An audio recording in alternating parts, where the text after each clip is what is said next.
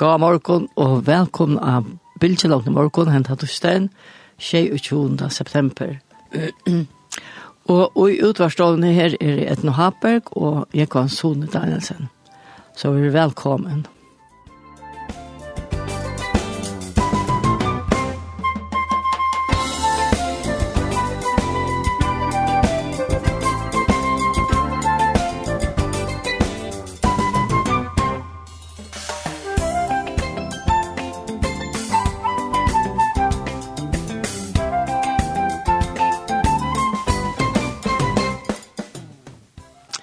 i morgon för vi det här var prat vi etne kär på Kallevik, som bor i Norra, men som är förrisk och vi får att prata om Louise känner och vad herren har gjørst i henne är Louise Så tack gleder vi dock till och annars så får vi det tone like och som vanligt så är akar SMS skipan är nu öppen så du är välkomna att sända vi-mestringar til innskjell og innan 2,5 trus 13 Så skriva bara in hvis du inte har en sang, eller vi merker til sendingene, eller akkurat, 2, 13, 6 og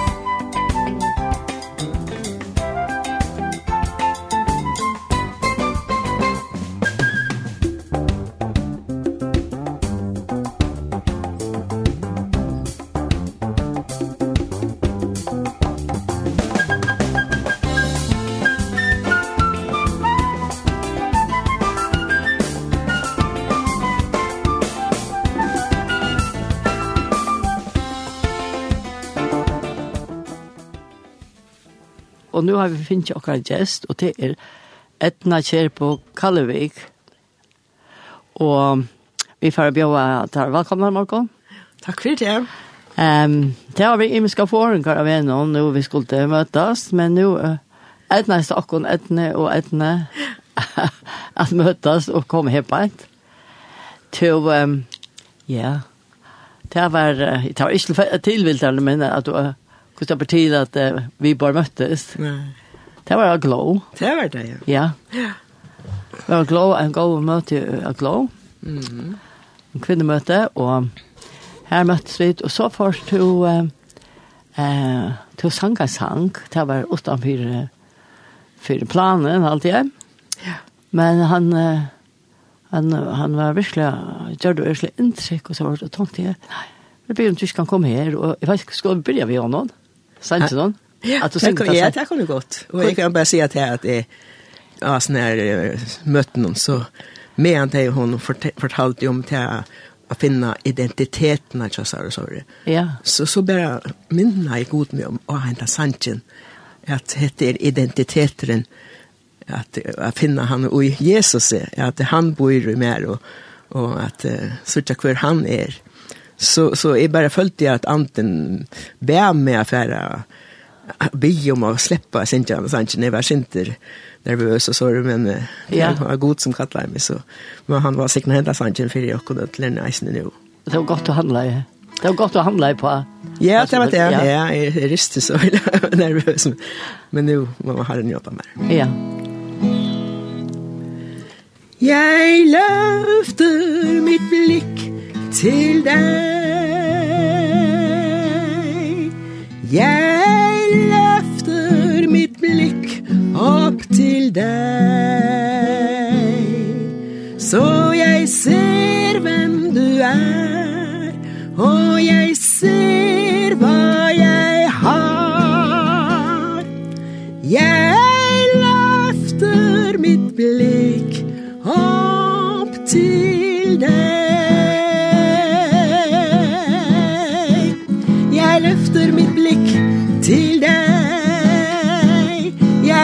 løfter mitt blikk til deg. Så jeg ser hvem du er Og jeg ser hva jeg har. Jeg løfter mitt blikk til deg. Når problemer kommer som skyhøye fjell Og jeg begynner å grave inn i meg selv Da hører jeg Guds ansikt til meg deg. Jeg løfter mitt blikk til deg. Jeg løfter mitt blikk til deg. Så jeg ser hvem du er Og jeg ser hva jeg har. Jeg løfter mitt blikk til deg. Og min helse blir truet Og sykdom slår til. Og sinnet mitt blir bombet av frykt og av tvil. Legedom har jeg gitt til deg. Er ditt ord til meg? Jeg løfter mitt blikk til deg. Jeg løfter mitt blikk til deg. Så jeg ser hvem du er Og jeg ser hva jeg har. Jeg løfter mitt blikk til deg. Om fortømmelse plager og trykker meg ned Og djevelen prøver å stjele min fred Da roper jeg til ham, gå din vei. Gud har frikjent meg. Jeg løfter mitt blikk til deg. Jeg løfter mitt blikk til deg Så jeg ser hvem du er Og jeg ser hva jeg har Jeg løfter mitt blikk opp til deg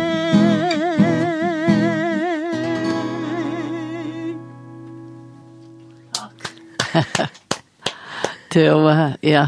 ja. Han sier nekva sanger. Men du er ikke skriva, no? Nei. Jeg vet minst faktisk ikke. Nei. Ja, det er... Um, han er virkelig, virkelig god, men nu sitter folk og hokser ganske etna hver er hun. Hun synger så godt norsk, og hun tar så godt først. Så er du um, føringer normer, vel? Ekta føringer. Ekta føringer. det er jeg stolt av.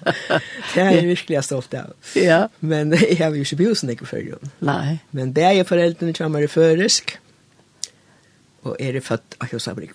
Ja. Født av husabrygg, det vet vi hver det er. Mm. Du kan så se senter om foreldrene hva det er.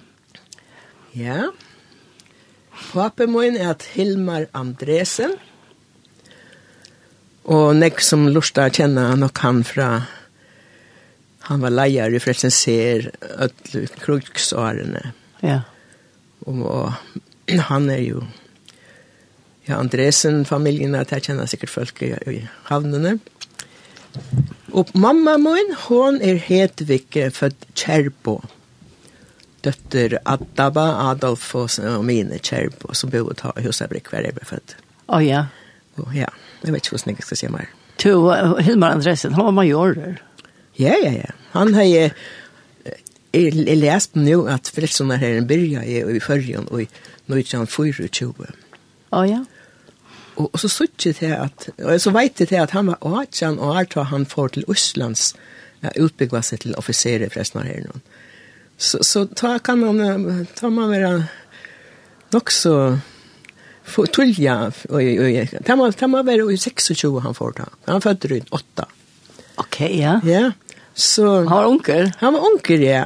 Så han får til Østland, og her høyde det en slags krukskula, som jeg kallet det alltid. Ja, ja. Og her utbyggde han seg, og så, så ble han sendt til Norra i snø, og leier jo han, og flere bojon i Norra. Arne kom atter til førja, ta han til, til, under kronen. Under kronen. Du, da man i major, hva er mest til jeg så snart, i Storum? Ja, det er mest til, og jeg har alltid tog mest til at man har officerer i 20 år. Okay, så yeah. det kan godt hende, jeg, jeg, jeg, jeg, akkurat. Nei, nei, mm. men, men uh, det er, altså, ta under krøyene, da var han en apert av flestene her noen. Men han er, og i havn, han er ikke en sundagsskola. Imsas flere stedene. Ja, så tar man er officer og leier for allmennighet, så gjør man alt mulig. Ja. Så det som jeg har hørt nekk om, og som, som er så fantastisk, det hører om faktisk i år, at folk enn vinnast, at han kom til, til Rona, og Glivrar og Skala. Oh, ja. Og hei i sundagsskola. Og, og folk altså, jeg takka god for henne enn. Det var en som, som, ringte, som ringte til meg, han, han ville sette en likt av grøvene til Hilmar Andresen for jeg heire han, for han for lærte han å kjenne Jesus. Og nå er alt familien til henne, og flere atterlig frelst. Det er største, ja. Jeg var virkelig rørt. Ja, ja. Og så ikke til frukten er at du som er personlig kunne arrangere.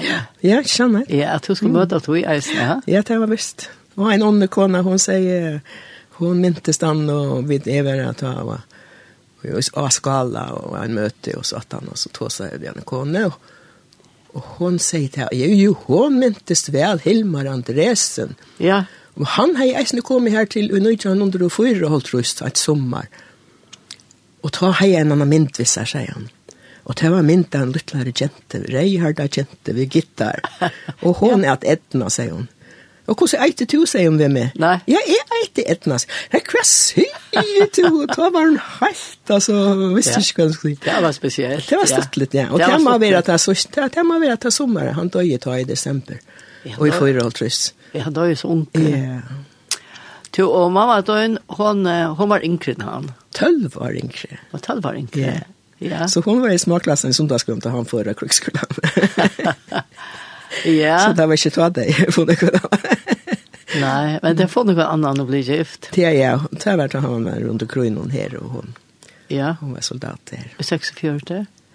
Ja, det er jo, jeg ser på ikke, alle at... Uh, at jeg ble gift i Sjånagerhusen, og det er størst brytlopp i 200 folk. Ja. Ja, det var nek. Ja, ja, jeg minns det ikke akkurat. Nei, det er gång grunn til. Ja, men jeg husker nå til du sier det at at forresten av herren var så det hadde ikke rattla til vuxel, så det hadde vært ja, tja, 14 eller hva det heter. Å, ja. Og ble voja ja, offisielt, og så var jeg sikkert til vojelse her og Sjånagerhusen. Ja. Så var vuxland og det. Ja ja. Och så får det om man filsensera hej med och allt det. Ja. ja. Så är jag förstår det. Och jag min folk minnas en sanche från tog i varslen har vi hört. Nej, det är det. ja. Alltså nu uh, du är och omsätter det. Eller? Ja, ja, ja, alltså pappmun han omsätter några sancher. Han, han omsätter några. Han ja. omsätter väldigt några sancher, ja. Och jag har nog arvat det här gaven, att jag. Har stora glädje att omsätta sancher. Ja. Ur enskon och ymskon. Ja. Ja. Men det det men men hatta vi är inte det är mer att här till till förstär och till så det. Oh, ja. Ja. Säger det höv Ja, det ligger lika det ligger för mig men akkurat det är inte antalliga sanjer det det har vi inte några särskilt erfaring vi. Men jag har ändå sent jola hälsar nu i 35 år och, och skriva där på kan på rum, vad kallar man där alltså. Ja. ja. Så jag det är lättare för mig att uttrycka mig Da kunne de fortelle om bøttene, hvordan det gikk i skolen, alt mulig. Bare vi har tre linjer og en vers, eller sånn. Ok, så jeg ja, skriver, så du bruker den, jeg. Så det har vi brukt og fortalt om ja. forskjellige vi har gjort. Bare og det til lettere å si en negv, da man skal si det. Da kan man bare bruke nok for år. Er det det? Ja, det visste jeg. Ja, det visste jeg ikke. Til, um, men altså, så foreldrene kjente å bli gift, og, og så var det at han krutsen til Oslands. Ja.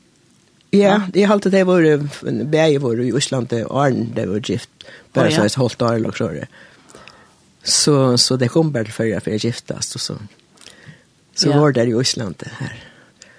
Mm -hmm. Og er du så født i Osland? Nei, i sommerferien. I sommerferien? I sommerferien i august måned. Ja. Så det er så glede jeg klarer å få det her til. ja. Så det er nekka om det her med han, røtene og fastar. Det er tøtning øyla stormfettene. Særlig at han var flytende, ikke? Ja, så var han til flott ikke? Ja. Ja. Men, um, men du var ikke så gammel til, til altså papen ble sjukker og døye. Nei, men då har jeg blitt fistvære og, og i Norra og i fem år. Og fem år? Jeg, jeg, jeg, jeg, jeg fyllte tvei i Norra, og så fyllte jeg seks da vi kom atter til Island. Å oh, ja så, så är det. Och här så, så var det i Island och då var det föräldern dalta daltarstjore som det heter alltså. Oh, ja. Jag är ansvarig för bäge förjar i Island så, så det är läslen på det.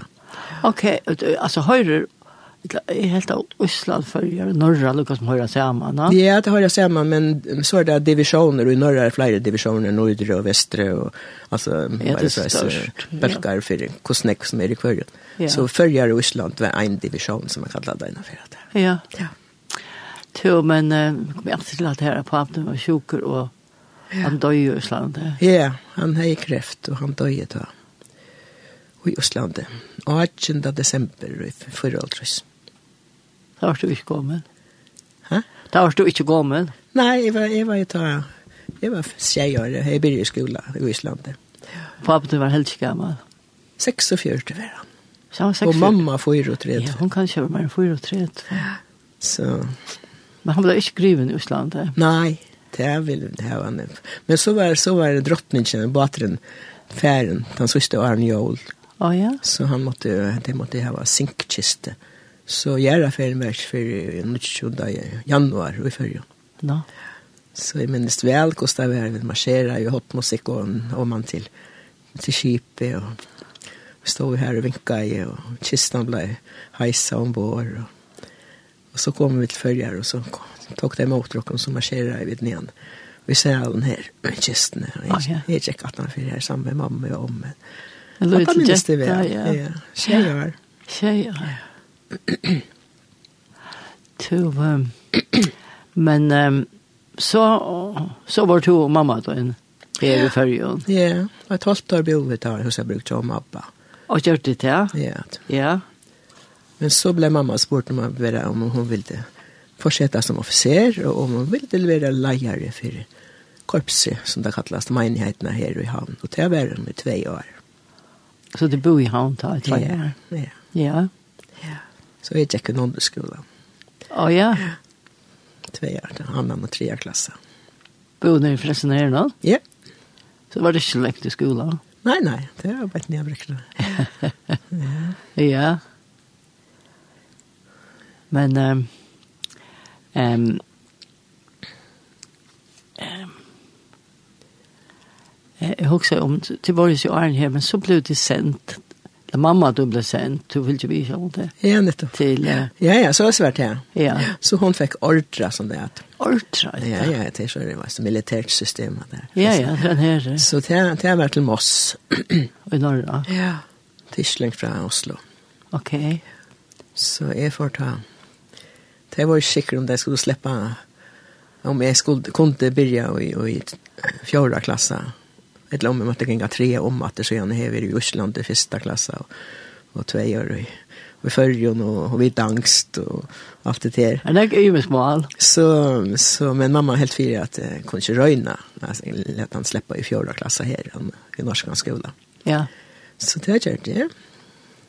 Men så var det det att hon blev hon blev spurt om hon ville komma och officers International College for Officers i London i två månader ta om vare for måltryst. Og men hun kom ikke fære utan at jeg slapp vi. Nei, sånn. Men hon så, og så vært det at hun kom ikke ha med vi og på det her college, men, men vi har en faster, Ami, som bor i London. Og så har mamma i siste baden, Helge, som, som uh, eisne bor nær vi her. Så jeg har en, bor en mann av faster og en mann av Helge som hei seks bøten, og det var grulig stått litt. Det var stått litt. Jeg tar ikke du ikke skolen, var sagt? Nei, nei, da, da slapp vi, vi fikk fri fra skolen om tvær måneder til. Ja. Gjerne ikke lekser bare. Ja. Så det var deiligt. Så det var gjør det ikke min tog fri høyre klasse. jo, men, men altså, jo, jeg har skilt til at jo og mamma hadde en tid nok så ofte du ett og sånt, ja? Ja, ja, ja. Ja. Jeg var faktisk så vet jeg at jeg sang solo. Ja så jag har en större fest i Drammen där jag var fem år. Så jag minns att det att ankarna kom vi blomster och var hår nattan. Nej. så det blir jag till Men eh, jag är fyllt sex så fick jag min första gitarr i Island. Åh ja? Ja. Och då har jag lärt jag spela gitarr med när jag var i Island. Och, och så mamma började jag ta och sen synte jag duett, jag synte ta. Ja jag går och rusler på Ringerike, blåveispiken som Gud säger man Åh oh, ja, han känner vi. Ja. Men, men så och så tar jag med i förrjun så hej hoa få meg harmonike. Ja. Og det har spart det till och ble kjøpt fra, fra Østland, det er en liten harmonika och jeg jag å spille akkorder till här och och ta sunke mamma och duett. Hon spelade gitarr och är harmonika. Sunke duett då. Kan se du? Ja. Så det gjør vi ta i ødelår at han... Ja. Så jeg var som en liten assistenter, vet du. Ja, ja. Det blir ikke tull, ja. Men titta oss ikke nekva sted, jeg stod i Fungslån og... Ja, ja, da vi var i Oslo.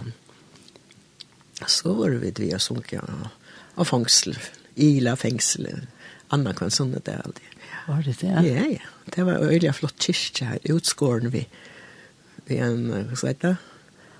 Potet, eplaskvellere. No. Det var under kronen onker som hei utskår at la vetsene og i sementen og vi er sånn. No, det var flott. Det var ordentlig arbeid. Ja, ja. Tu, men tror jeg som sånn ikke nok snakke inn og, og se det. Ja? Ja, la du nærke. Det er alltid ikke. Det var akkurat her som vi kunne høre. Ja, ja, det er det satt ned til. Jeg synes vi skal høre. Vi er vi jo i Oslo Tria Korps. Da jeg ble soldat. Ja te, te, her var det alltså korpstimmenighet. Ja, oh, ja. Og, og her, her var vi og, og i Trantja Kornon og Sangbrigaden. Og her var det en exolista möten møten og där. Ja. Men uh, fløve var det ikke selv. Det var ganske vi, vi är Trantja Kornon og så där. Eisne så okay. lät det Batna, Batna Kornon, junior gospel og, og i Oslo Tria korps. Og vi sloppade sin att vara vi opp det som hotmusikern gjør den store fløve. Så slappet vi vid det. Her var tvær sjanser, og så det så med fløvene. Det var sånn sånn litt. Ja. Ja, det var forbinder um, uh, förresten här vi hot musikk alt. Ja, ja, ja. Det är til här var orkester alt. Ja, jag har gått spelat hot. Helt visst det? slett ikke. Du har spalt av møvel, gitarr och harmonika och tur är för och kontrabass lär det. Kontrabass, ja. Ja, ja, Jack i Bjølsen skola i Oslo. Ja. Og her hørte det et Bjølsen skoles pikeorkester. Og her ja. slapp jeg lære å spille kontrabass. Ja. Vi boa og det hele. Og... Det er så størst instrument. Ja, ja, ja, men jeg var i Stavreisen, så det er ja. Det var en 12-13, da jeg var jeg her. Så jeg gikk noen år her, og så kunne jeg bruke at han kunnskapen, så ble vi kont spalte kontrabass og i Oslo Triakorps, Strandjakor.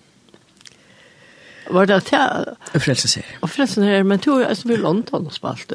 Ja, ja, og tog var det, vet du, at jeg, kom, at jeg skulle spille kontrabass. Og vi skulle synge mittelen Anna og i Royal Albert Hall. Det var flott, ja. Ja, det gledde jeg meg til, og spennende. Ja. Men det var jeg, det som er minnes best av det hele, det var altså, da jeg det var med vi skulle hjälpa med vi kontrabassen och ja, flaveteln och ja, jag stod och han helt där så så tungt ut men det var slett inte tungt.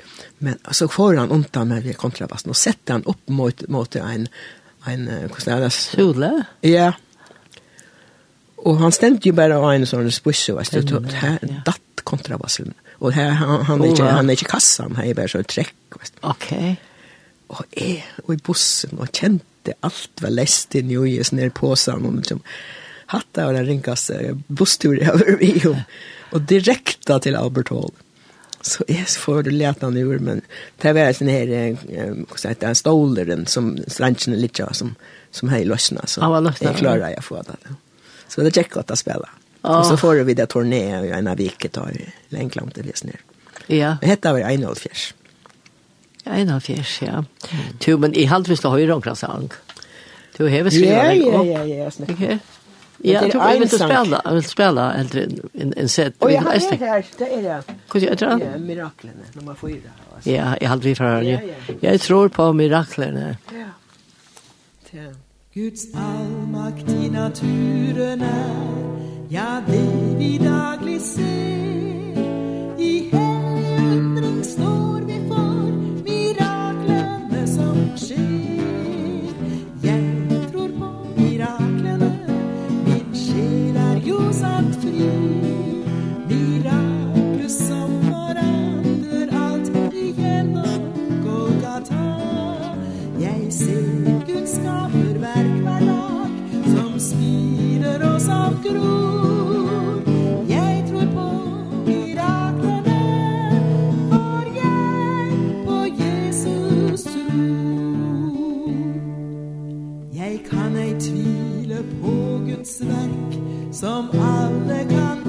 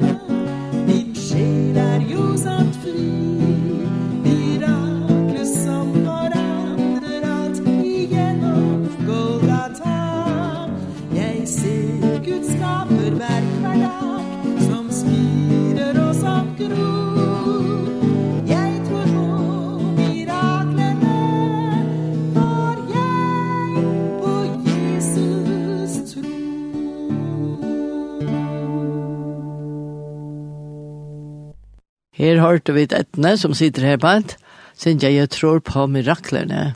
Det gjør du? Ja, det gjør jeg absolutt, ja. Ja. När jag hoppas på det det om du minns till att du kom till personliga tryck till tur allt ut lov hörst evangeliet och så men ja, jeg har hørt evangeliet så jag var tänker på det er säkert. Och jeg var vid øtelmøten, da jeg var en av barnen så måste jag vara vid om- Ja. Så jeg ser at alt det er første bok i salen nå. Og i det minnes det da jeg var seks år. Og pappa min hei tala, og han hei bjøva en til å komme fram og takke mot frelse. Og her får jeg luttla Edna fram, seks år gammel, og kneler i båtspunchen som det heter høye. Ja. Og, og så kommer mamma og mann og kneler, og så i nærmere så spyr han. Og hva blir du med Edna? Jeg vil bare bli frelst, sier jeg. Ja, Tror du at Jesus stod av krossen og fyrt til, sier mamma.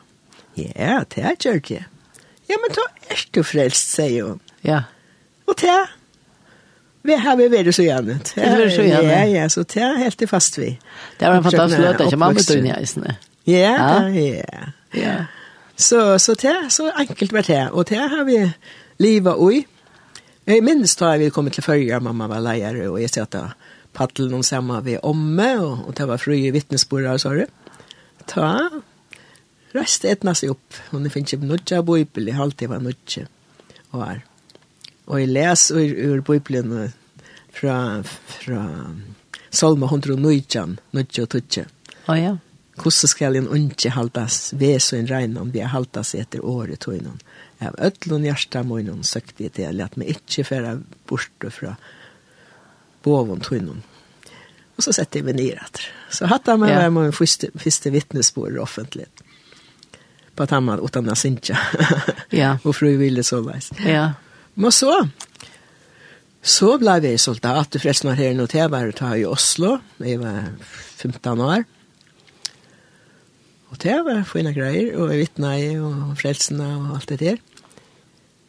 Men så, så var det jeg var vel en 16, 15 år, 16 år, så knappt jeg begynte jeg lusta etter hvordan hine vittna jeg. Og ta var det nekk som kunne si at, at han dagen er ble frelst, så ventest alt fra myrker til jøs. Og, og så onker anna vittna jeg om at jeg, jeg er Jeg ble løster bei fra de ene og de andre ta jeg ble frelster. Og, og så begynte inte jag ser man luckna min vittnesbord. Jeg kunne ikke vittna kvar till myrkrul eller, eller att det ble løst fra noen grunder speciellt.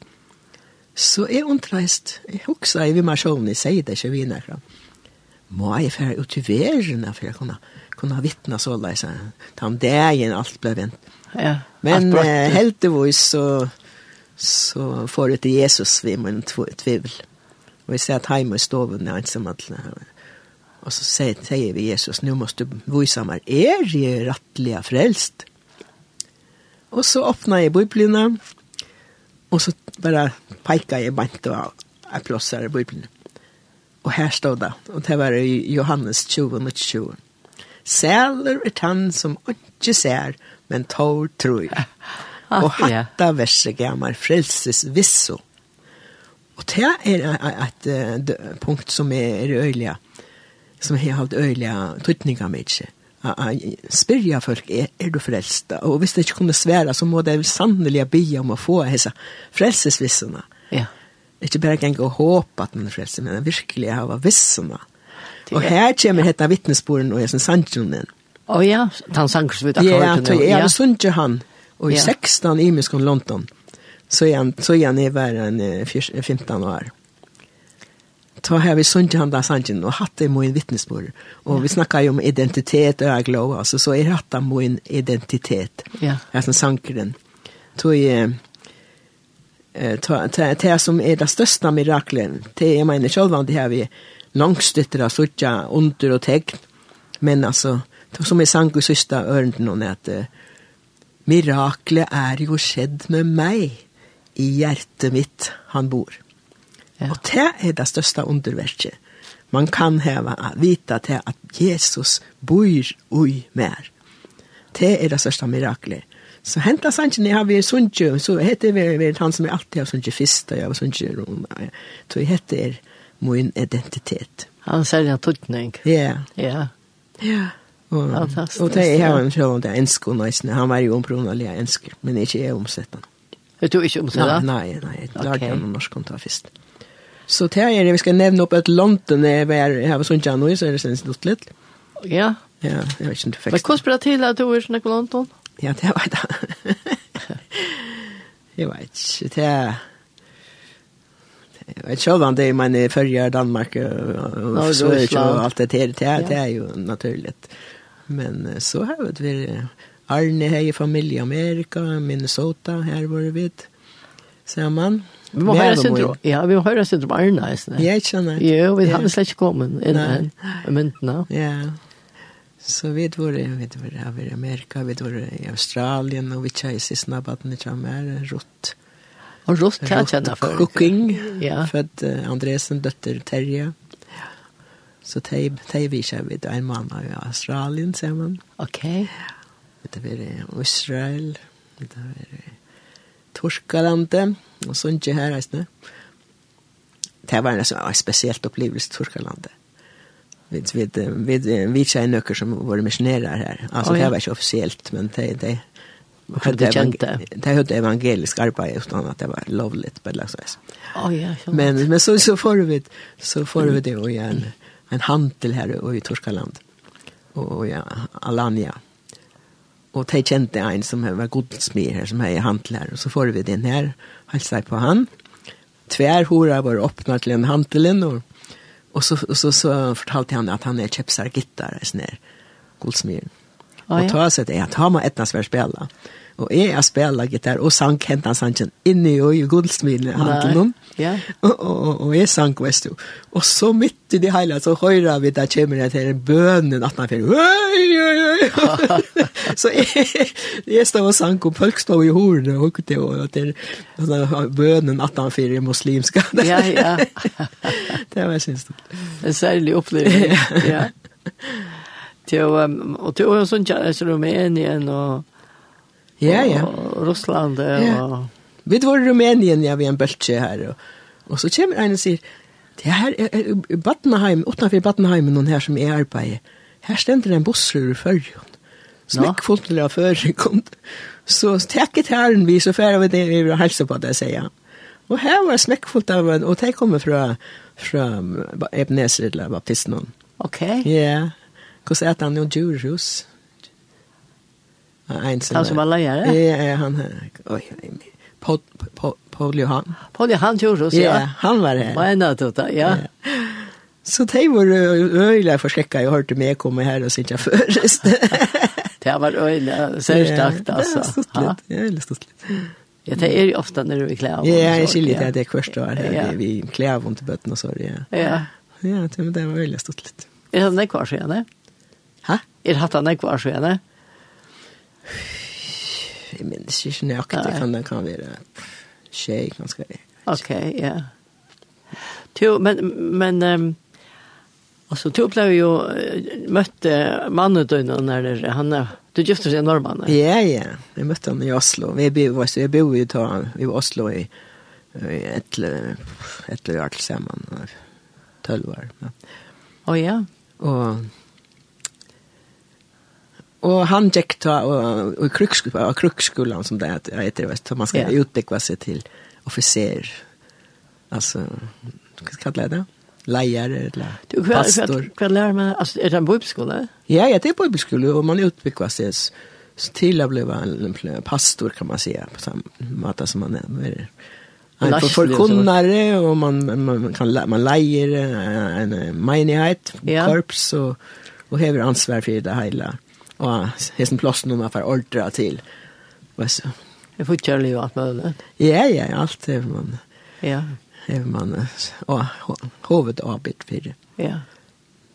Så som til Nick var lärare här. Ja. Och här checkar han. Han hei, han hei tidsi utbildning ut i militäret först faktiskt så han var han var löjtnant i det og och han blev kapten i frelsen. Ja, så har vi flera härifrån. Ja, ja, ja. Så här möttes vi. Ja. Ja, ja. Og så blev du gift.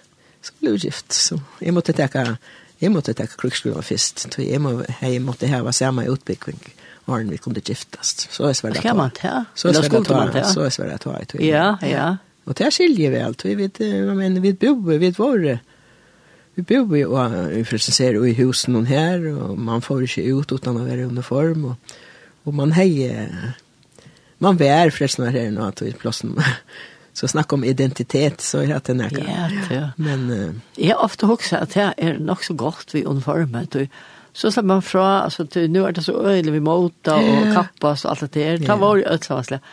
Men jeg tog nærmere at det er ofte enda så bonnet. Ja, så var det. Og det var ikke jeg skal få ta. Nei, nei, nei, det var det slik. Sånn hikkver, altså kuiser. Kuiser, ja. Jeg ofte prøver, altså. Ja, ja, ja. Det vet jeg at vi kjenner, jeg var presentere for ikke hjemme tjokk. Ja. Da lå det gønkjene, så. Nettopp. Ja. Så du har haft en sånn, men det var også tuntjer slett ikke tunnkje. Ikke tungt, ja. Det stod jo. Det var kurv, det var flatta kurv på en måte, og i her. det var sånn hatter. ja, så hatter, ja. Ok, ja. Så, Tu, vi hadde vi tega en sanka til at Arne Færdel Førjar. Arne Færdel Førjar? Arne Færdel Førjar. Ja, ja. Så vi tega en av en sete, eller skal du synge en?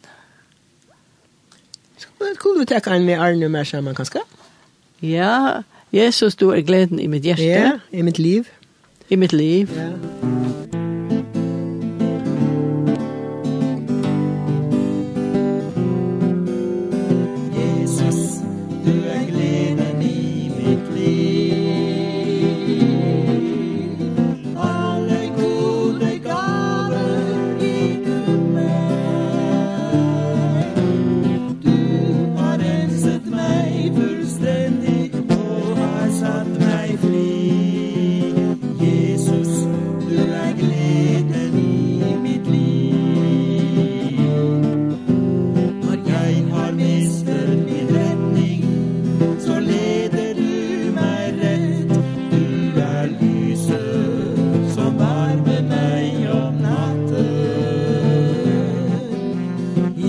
morgen är du.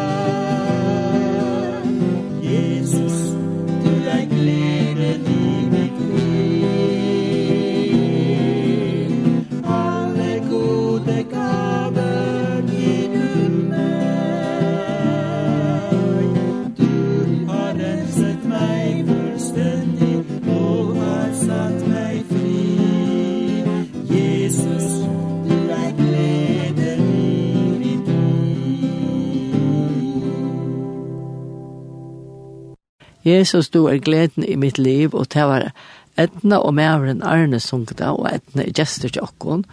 Og nå har vi finnet et uh, sms, og her stender, godt å høre til boar, etna ikke helt vi minnes det vel.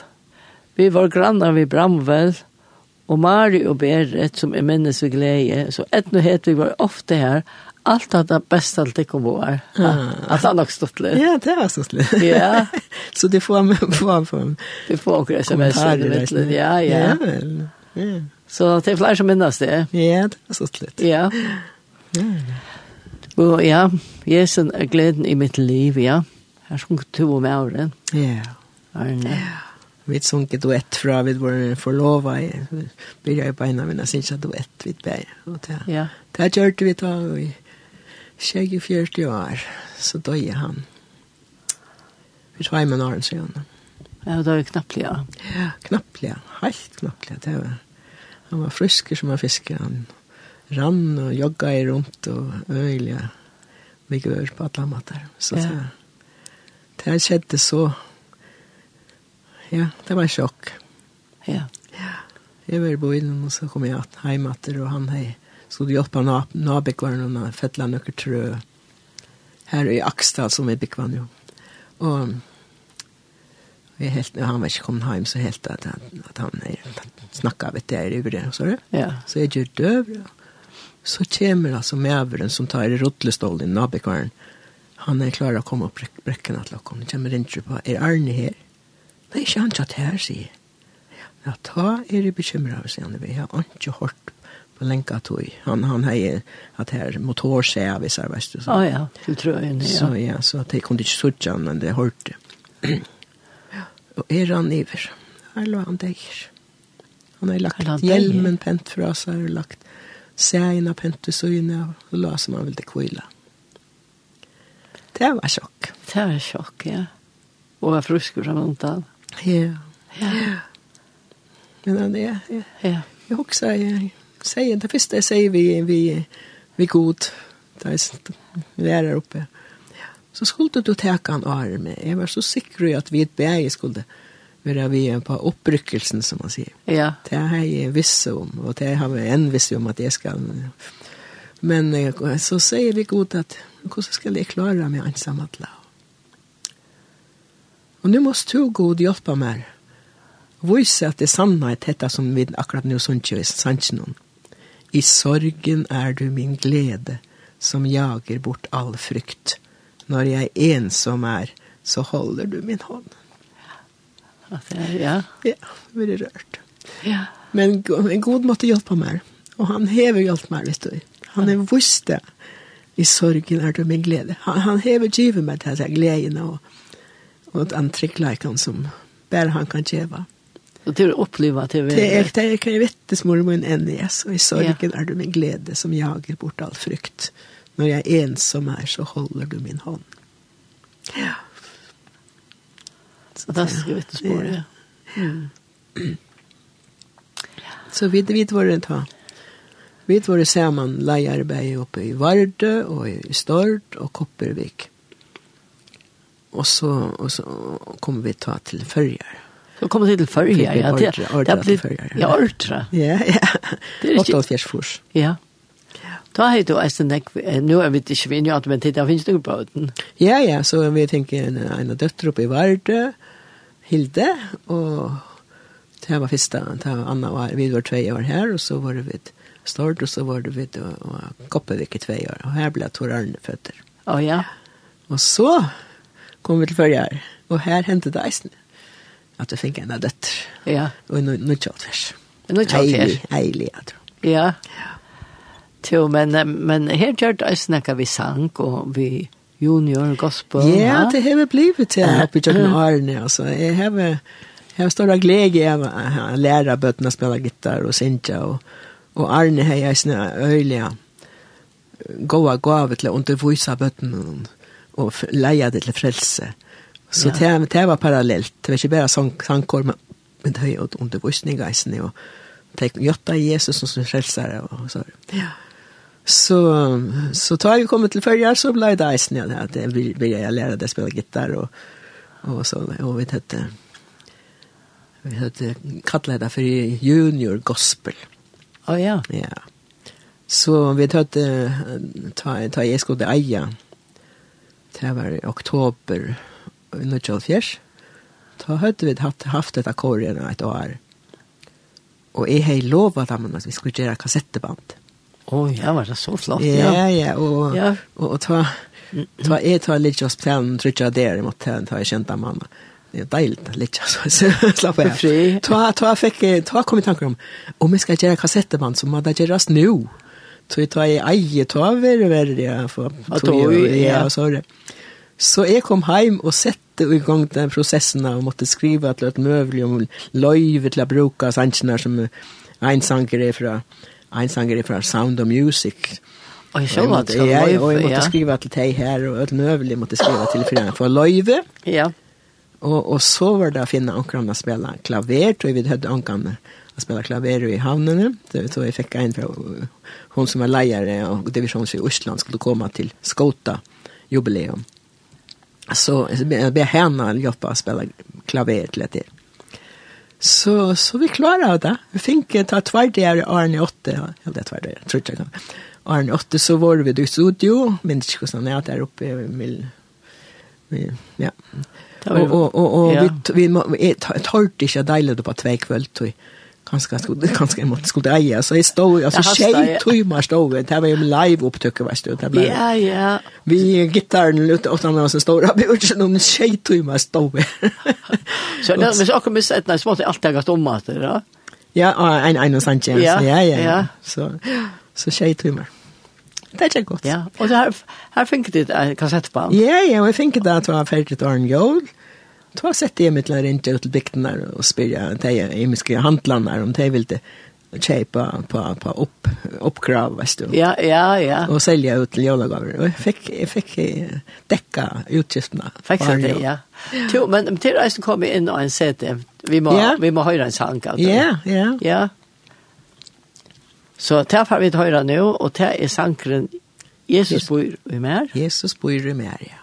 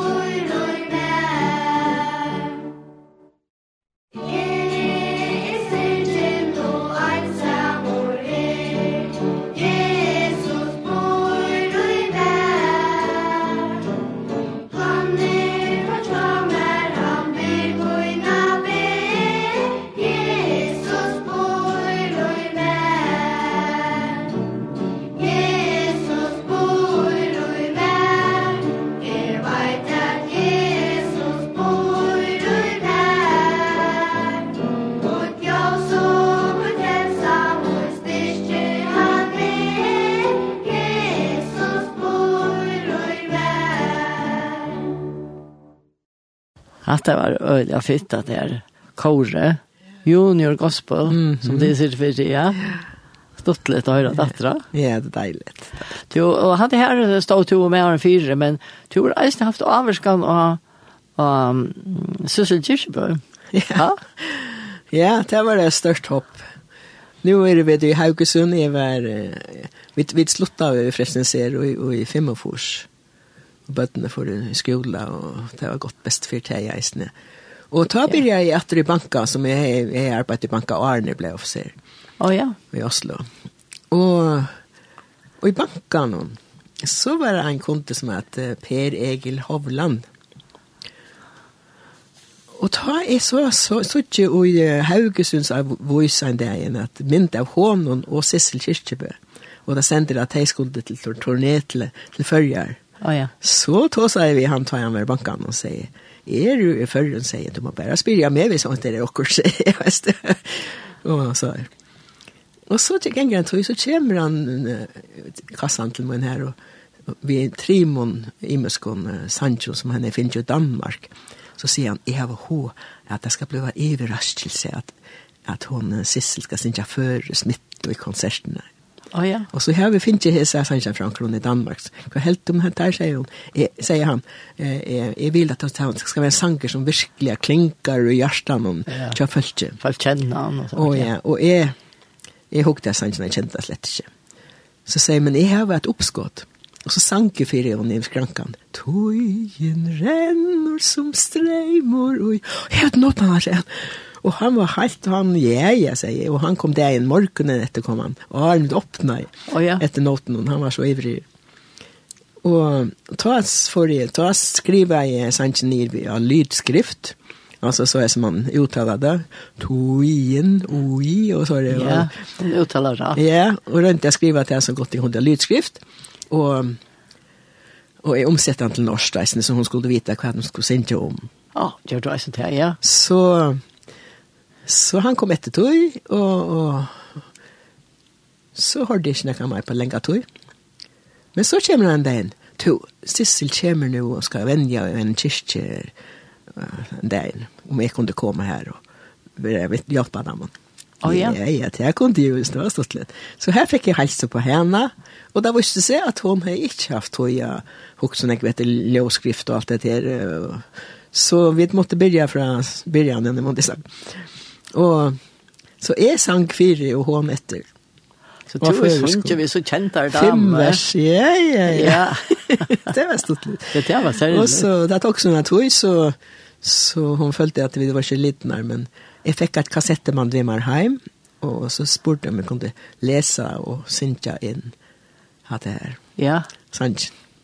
Och han var för vi får så, så kom ja. hon, så kom hon i banken dagen efter, efter kassettbanden. Oh, ja. Och det var i stas, så kom han ner och och en sissel kom till Mojne. ja, hon är ju känd. ja. ja. Och så kommer han att han, oh, ja. han har kommit att ur färgen. Kan helt ju på kan att här kantinen i bankan efter mer. Och tacka mig för uppskottet av Sanchnon. Ja voksne menn stod og gråt, sier han. Nei, ja. så hatt det vært den rette sankeren. Så det er stått litt, ja, jeg er glad for. Jeg hadde vi med å høre ørslut til Sissel Kyrkjebø. Hvordan sier du Kyrkjebø? Sissel? Kirkebø. Kirkebø. Kirkebø.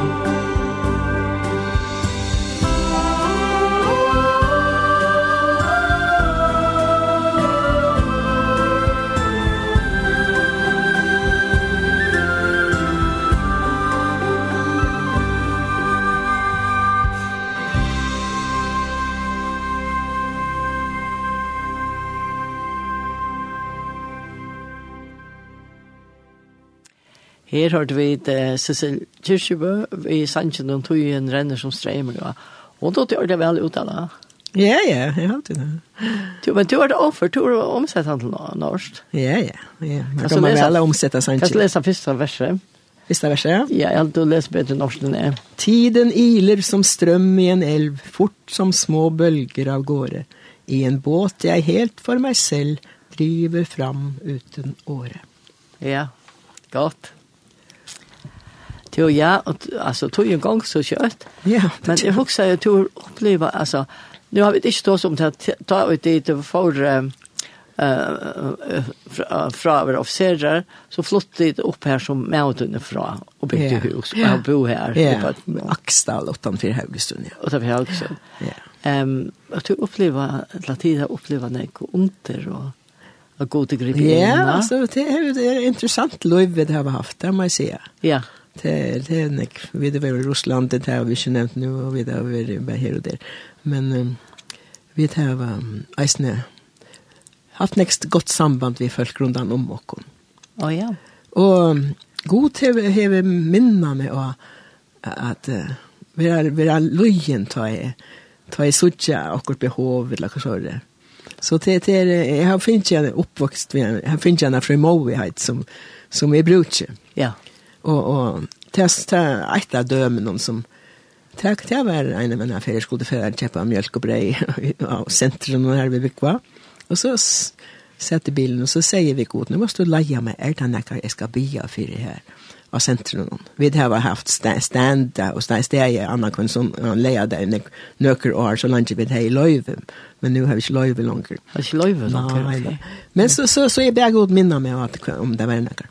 Och så kom jag här ut i bilen og så färdig mot handeln och här här sitter det en en ung kona som er sitter och bitta och står med en liten koppe. Där de sitter runt om alla ställen. Bitta det här? Ja, ja. Hon var från Bulgarien och jag har haft samband hos av henne. så jag har haft samband med henne. Men så har jag minna i god med att hon ska spørre henne. Så jeg spurte henne, hvordan hever du det sig? Og hon hei så illt. Og hon tok sitt lille kinne her. Og hon hei så illt, det var tøylt hon hei tanna på henne. Og, og det kostar 5000 kroner. Hon var ikke en ikke vel norsk. Men affæra iver her, vet du, den tandlaknan. Ja. Og så sier vi henne, vil du skal ikke bygge til Jesus fyr der? Og folk da i hendene av vusten. Ja, ja, det måtte jeg gjøre. Ja Så kom leie bare håndene, og Jesu navn, blod frusk, sier. jeg. Og hun, hun, vilt, vei, vei rundt ved høtten og holsen og var helt, hei, hei, det var nu bare vekk. Så ja, hun heis ikke ikke nakkan nesten. Ja, ja, så kjem vi automatisk, takk vi det nakkan. Jesu navn, sier, jeg, blod frusk. Ja. Og hun svinka i høtte rundt og alt alt var vekk, takk og lov. Ja. Takk Jesus, ja. säger og måtte si takk Jesus. Og, og jeg, hun sier der var langt, og jeg spurte henne kvønte, og i flere måneder hvordan jeg gikk. Ja. Alt var vekk. Ta borster. Takk og lov. Ja, og så har vi opplevd ja. ofte med. Det er så naturlig, og det er så deilig. Og det er jo det som Jesus, altså, Jesus bor i meg. Det er det som er det viktigaste för mig nu som det är er, att at, det ständer reis nu i, i, i, i första Johannes, han som säger att, Jesus, att han är och Jesus, han och en liva som Jesus. Og hatt er, hatt er en tale til mun, daglige, og hatt er en avmenning til kon ødel at vi skulle være som Jesus. Og det er ikke mer hokus pokus enn å spørre om man skal be. Det er jo einfalt. Deilig det er, det er jo einfalt, men man skal gjøre det. Ja, det är nettopp det. Ja. Ja, ja, jag menar kan jeg kan ramse opp flera det var en vi sunker namn dakt og det var faktiskt eisen en utlønsk. Och hun sier att det helt seg, finns vi gör han hon är tror det var att att höjtaren var for høver, så i han at han var det for høyt. Nei, oh, ja. och hon har haft henne på inne hon isen. Ja, oh, ja. Och morgenen, og hon har ikke klart å äta hon har ju inte. Ja, men da kan du be at Jesus säger. Ja, men är muslim säger hon. Ja, men det er ju inte säger Jesus älskar muslimer. og så gjør det detsamma. Och hon upplevde detsamma. Det är fantastiskt för jag nå for det. Ja, inte sant? Det er ja. ståttligt faktisk. Ja. Ja, dejligt. Vad är det för imorgon? Ja, ja, det är nettopp det. Alltså, så enkelt er det. Så enkelt er det, ja. Så enkelt er det, ja. Så, eh, jeg vet ikke om jag ska nämna. Jo, det er akkurat rett. Ja, akkurat rett. Hvis du minnes minnes, ja. Ja, ja, ja. Det, ja, det var en norsk lackne vid vid var det en jära för faktiskt. Och och vi vid vi var det känt det sen lacknen och är och och men vi kände inte akkurat konerna som fruarna till ländan som var dejen så vi så vi stod bara här så inne bojar sig inte där med vi i kyrkan. Och och så han är så intresserad av förrän han han har faktiskt varit förrän nästan ner. Och Och så säger han, ja, och vi hade för sjukan i förrjun. Ja, det er ikke det, sier jeg sjåvande, det kommer jeg. Ja, så, så, ja. Ja, ja, det er bare bia.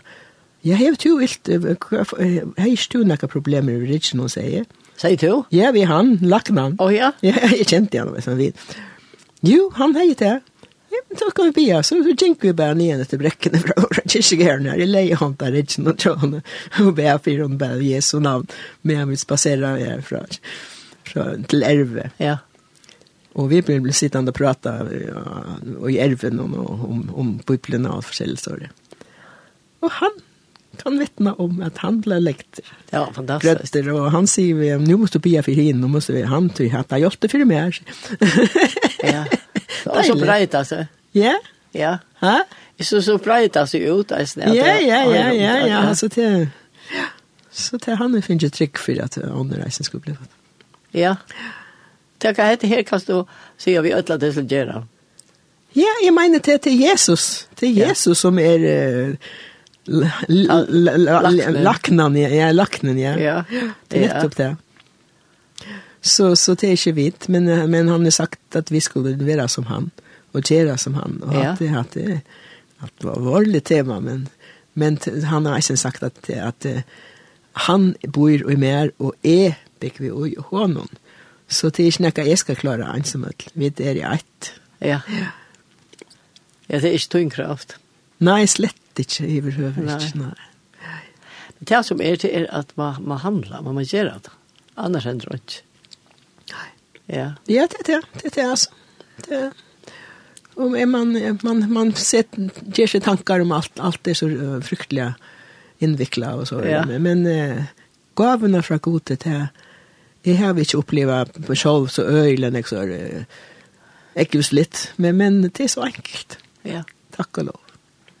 Så vi kunne til nekva anna at se fra, men nå er så tog jeg ferden fra åkken. Å, ja.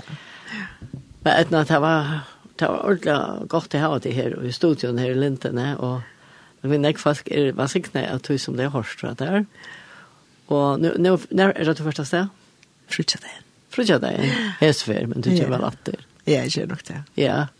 Så men takk for i morgen, og herre var for i det kom i reisene. Vi fer at enda vi en noen sanje som eisen fra en noen en fløve her, som han eiter om jeg, om jeg, ja, om jeg kan hjelpe noen, og etna synker. Om jeg kan hjelpe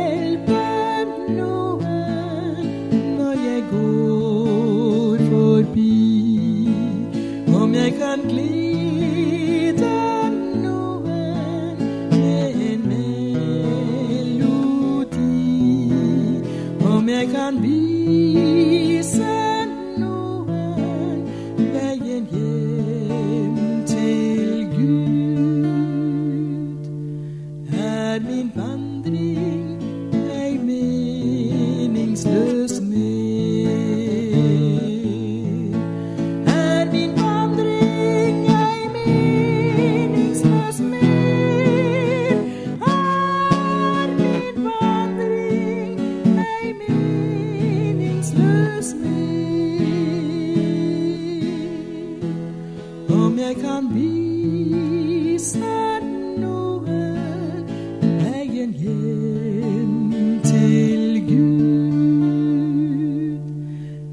er min vandring ei meningsløs mer Om jeg kan leve kristent med forstand og glød. Om jeg kan bringe frelsen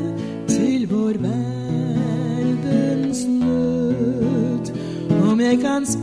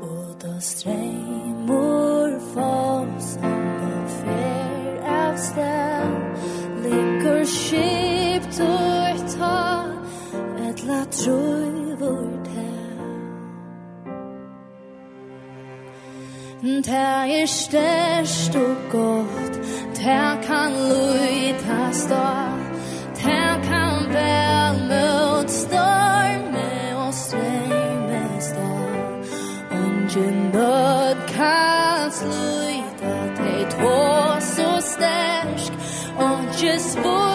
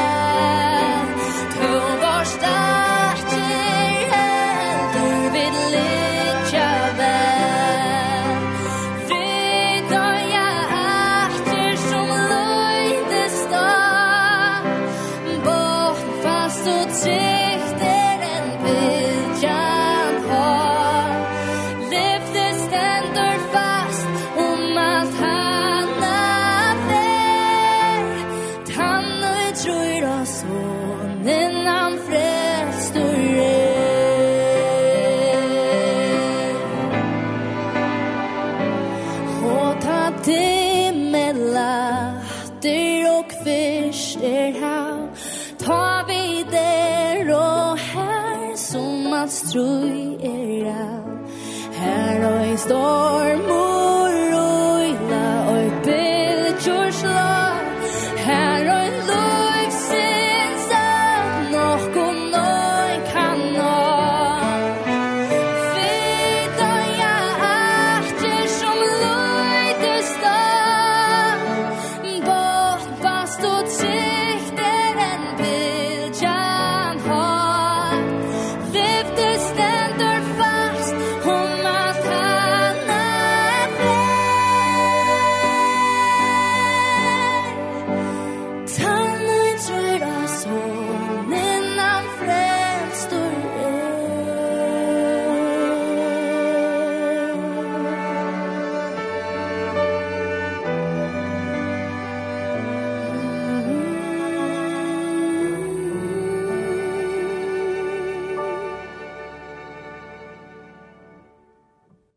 aftan og prate vi etne kjer på Kallevik, så hørte vi et sannsyn om jeg kan hjelpe noen, og her senast var det Maria Lætjen som sang Heldur atjer ut».